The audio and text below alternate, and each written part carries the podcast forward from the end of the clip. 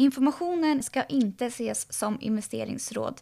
Tänk på att placeringar i värdepapper alltid medför en risk. Historisk avkastning är ingen garanti för framtida avkastning.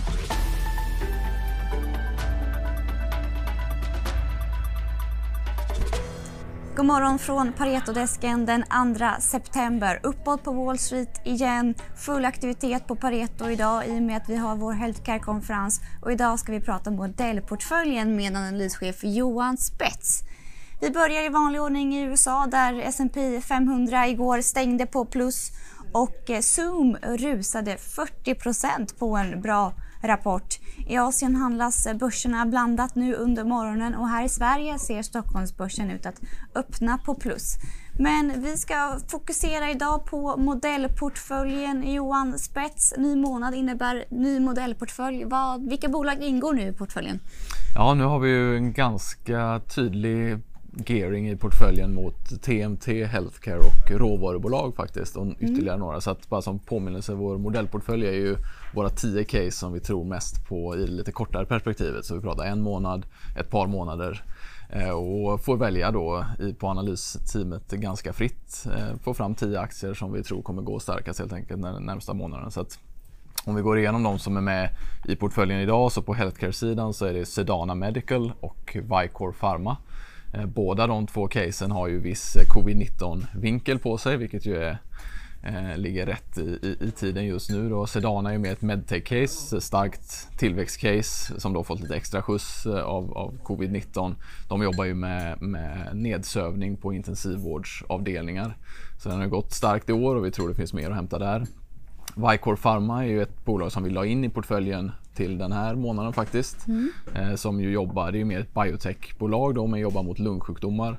Eh, och där, även där som sagt finns en covid-19 vinkel och vi tror att i september här så kommer de kunna presentera första patienten eh, in i en av sina viktigaste studier. Då. Så att där finns en tydlig trigger just i, i september i det caset. Eh, och sen på TMT-sidan så har vi Telia, Millicom och eh, Embracer om vi börjar på telekomsidan med Telia är ju tryggt och stabilt, trevligt mm. case. Eh, där ser vi ju värderingsuppsida bara drivet av effektiviseringssteg nu i och med nya vdn som kommer in, Alison Kirkby. Eh, men det är ju ett relativt, relativt stabilt case i vår portfölj. Annars har vi ju många andra aktier med lite, lite tydligare högre riskprofil. Så. Eh, Millicom har vi med också som också ett mycket value case här som vi ser det. Mm. Att, eh, I och med eh, man öppnar upp igen i Latinamerika så tror vi att eh, den kan komma ifatt övriga sektorn. Eh, Embracer är ju ett dataspelsbolag som många, många gillar i marknaden. Så även vi. Vi tycker ju de gör det mesta rätt eh, och tror att det där kommer fortsätta. Det, det tåget eh, har, har, har långt kvar att, att leverera framöver. Så att, det är på TMT-sidan. Sen på råvarusidan så har vi eh, IPC som är oljebolag, mm. Lundin Mining som är gruvbolag. Eh, båda de två är välskötta bolag i Lundingruppen båda två. Eh, vi tror ju generellt på starkare råvarumarknader här eh, framöver. Vi har ju sett det i guld under sommaren och vi tror att även koppar och olja då kommer kunna gå starkt under resten av året. Och det är ju mycket drivet av att vi ser att finanspolitiken runt om i världen främjar reala tillgångar som bör stötta även koppar och olja. Då, då är det två bolag som vi tycker är, är välskötta i de sektorerna. Mm. Sen har vi även med Aselio eh, som är ett av våra favoriter på cleantech-sidan eh, i portföljen och eh, den har ju också gått starkt under sommaren. Vi tror det finns mer att hämta där. Där har de ju ett resultat som, som väntas här i, under Q3 eh, som första readout från deras verifikationsprojekt som de kör. Då. Så att det här är ju tydlig trigger också. Och sen har vi två övriga bolag då för att komma upp i våra tio totalt mm. och då är det Fabege och Clean Air. Så Fabege är ju vår, favorit för närvarande på fastighetssidan. Mm. Eh, tydlig substansrabatt där, ligger kvar runt 30 mot, eh, mot EPRA-NAV. Eh, Clean Air är ju Eh, ett annat bolag som, som vi tycker är lite förbisett i marknaden. Eh, tydligt värderingsstöd. De jobbar med luftrening eh, i olika delar av världen. Så det är också mm. ett, ett, case som har kommit igång lite det senaste. Vi tror det finns mer att hämta där. Mm. Så att det är våra tio mm. Och alla är lika viktade. Hur gick eh, augusti?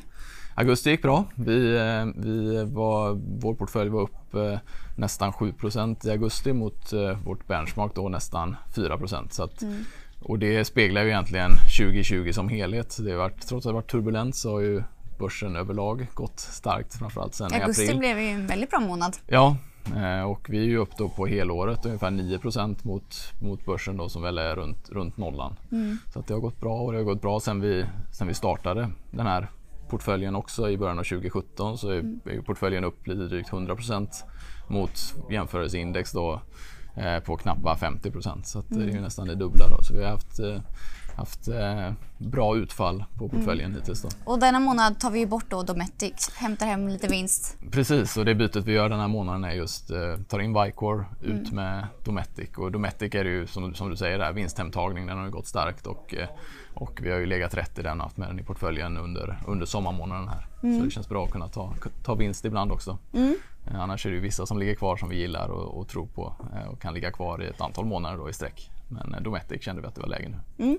Och vi eh, följer ju såklart upp den här modellportföljen varenda månad. Och två, två healthcare-bolag i eh, portföljen. Vill man veta mer om healthcare så tycker jag att man kan eh, spana in alla intervjuer som jag kommer att göra under dagen. Vi har ju som sagt en healthcare-konferens här på Pareto idag och imorgon. Och jag kommer att intervjua ganska många bolag så de kommer komma ut på vår hemsida och på Youtube senare idag och imorgon. Eh, Tack så mycket. Vi är tillbaka igen imorgon.